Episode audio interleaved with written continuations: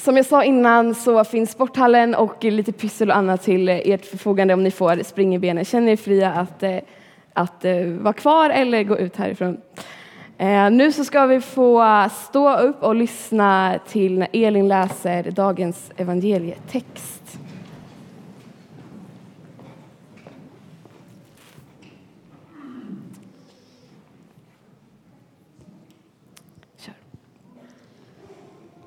Några dagar efteråt gav sig Maria iväg och skyndade till en stad i Juda bergsbygd. Hon gick till Sakarias hus och sökte upp Elisabet. När Elisabet hörde Marias hälsning sparkade barnet till i henne och hon fylldes av helig ande. Hon ropade med hög röst Välsignad är du mer än andra kvinnor och besignade barn du bär inom dig. Hur kan det hända mig att min Herres mor kommer till mig? När mina öron hörde din hälsning sparkade barnet till i mig av fröjd. Salig hon som trodde, ty det som Herren har låtit säga henne ska gå i uppfyllelse. Fint. Varsågod och sitt.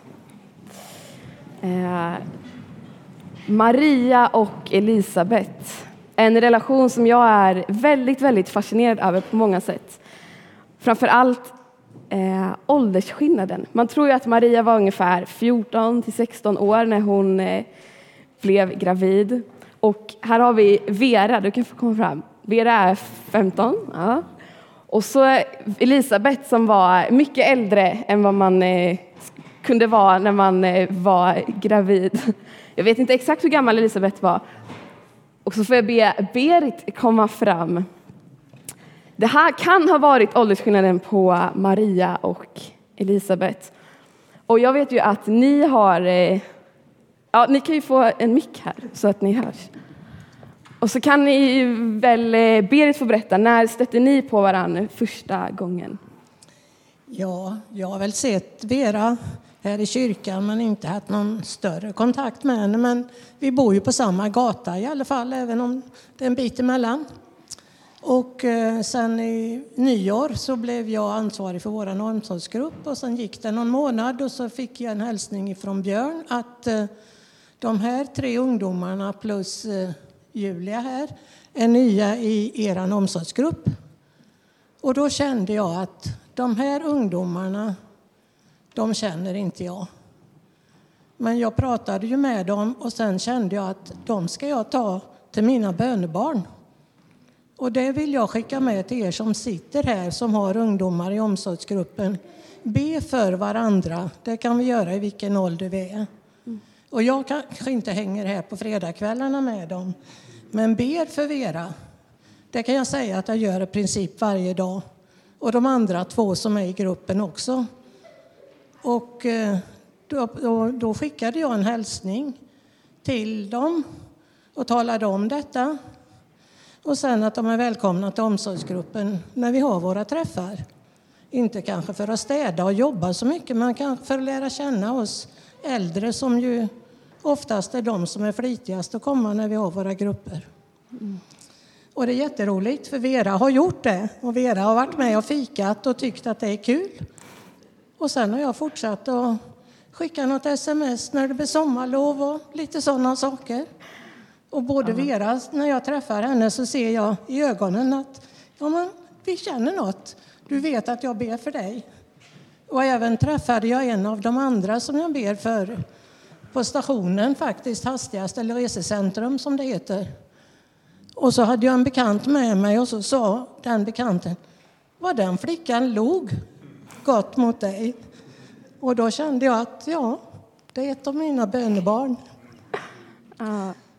Så att eh, det är fantastiskt och det blir inget som är så. Och sen kanske, ja, tänk.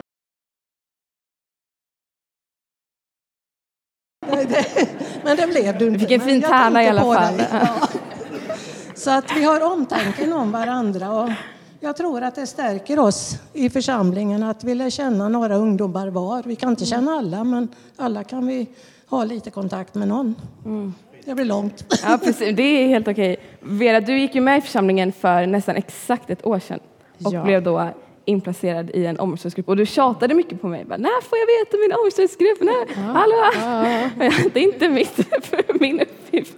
Ta det lugnt. Ja, sen hamnade du i alla fall i Precis.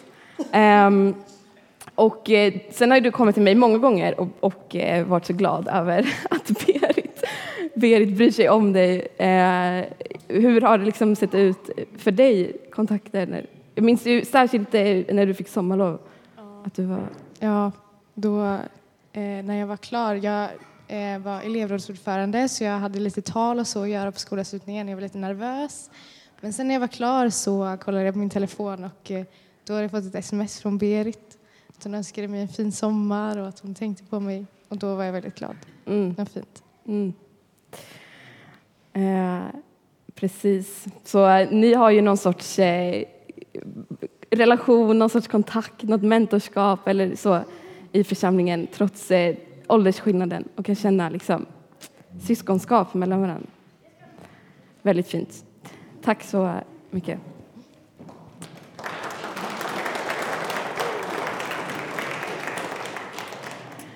Eh, när jag var 14 år så blev jag ledare i Skamning. Och eh, det började med att jag bara var med lite. Eh, och sen efter några år när jag klev upp lite i ansvar så fick vi en till ledare i kåren. Församlingsmedlemmarna, en av de äldre damerna, Elisabeth, 75 år. Hon eh, gjorde inte så mycket väsen av sig på onsdagskvällarna utan hon var mest med och såg barnen. Hon var en riktig scoutmormor. Och åren innan jag fick eh, körkort så hämtade alltid mamma eller pappa mig efter kvällarna. Och så frågade de alltid vad vi hade gjort, om det hade gått bra och sådär.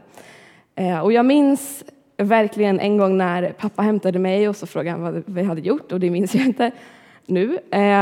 Och så frågade han om det funkar bra med ledarna just nu. Han har varit ledare innan så han har hjärtat kvar i, i kåren.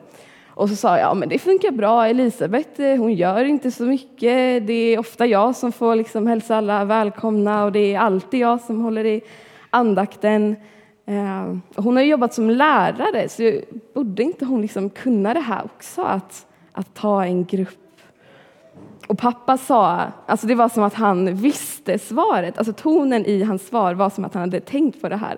Och jag, det är jättemärkligt.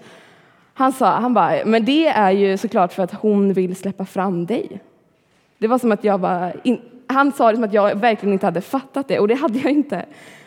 Eh, och då blev jag väldigt eh, glad. Och varje gång som jag jag, fick en, jag liksom såg på Elisabeth med en annan blick och tänkte att oj, hon, det kanske är så att hon aktivt väljer att släppa fram mig, att tro på mig och eh, se mig växa.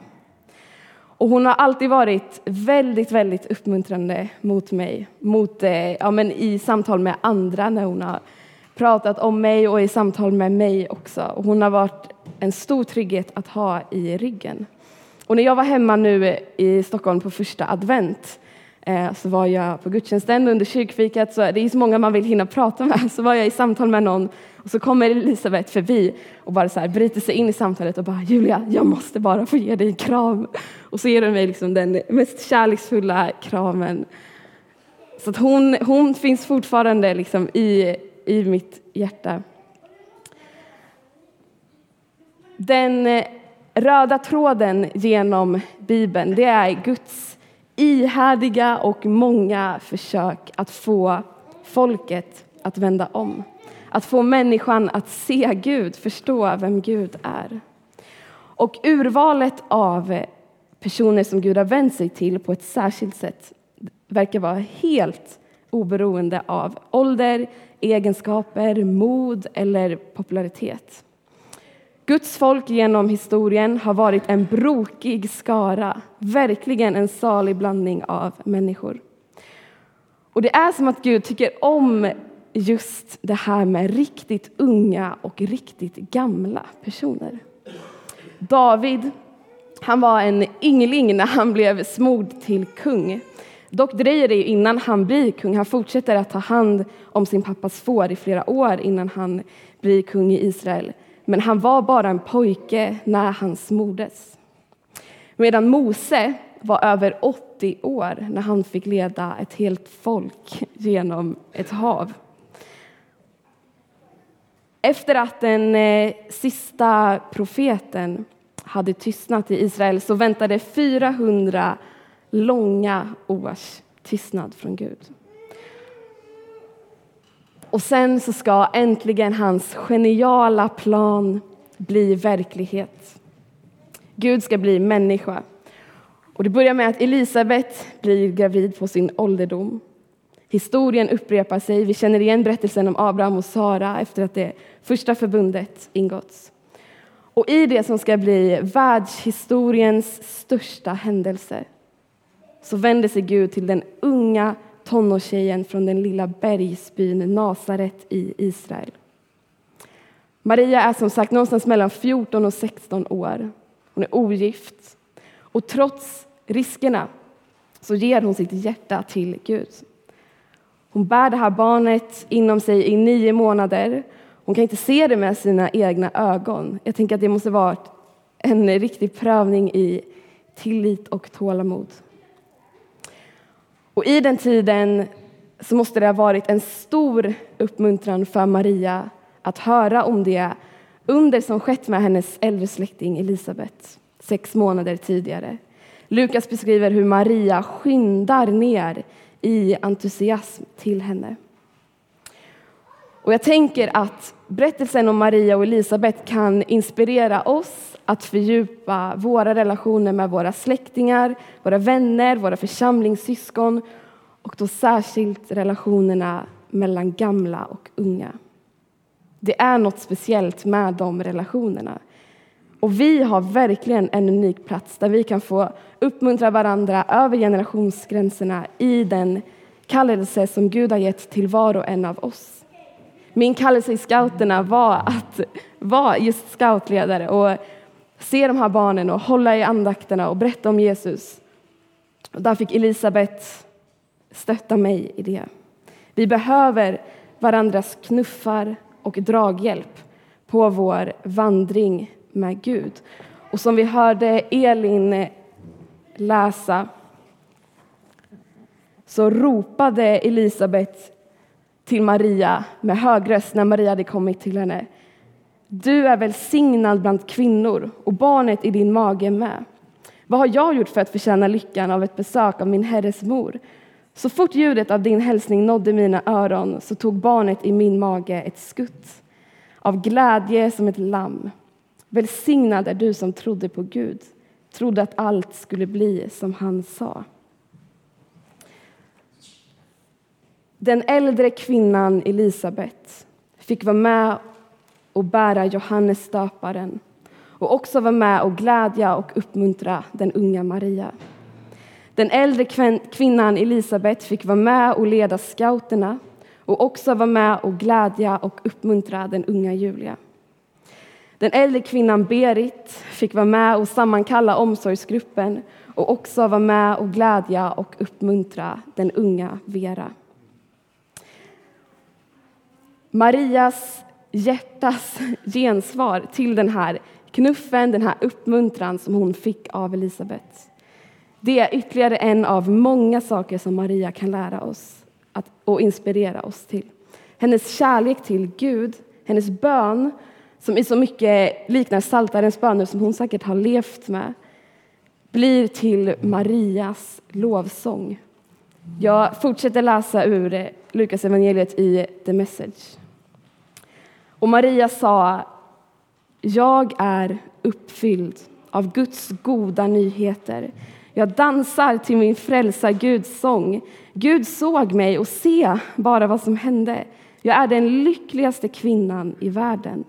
Det som Gud har gjort för mig ska aldrig glömmas. Gud är heligheten själv, olik alla andra. Våg efter våg av barmhärtighet sköljer över dem som har gripits av hans storhet. Han kavlade upp ärmarna och skred till verket. Han skingrade de skrytsamma Han slungade tyranner av deras höga hästar och hjälpte de nedtrampade upp. De svältande fattiga slog sig ner till fest. De hårdhjärtade rika blev kvar i kylan. Han tog sig an sitt utvalda barn Israel. Tänk du på honom med medkänsla. Allt är precis som han har lovat sedan Abrahams dagar och ända till nu. Amen.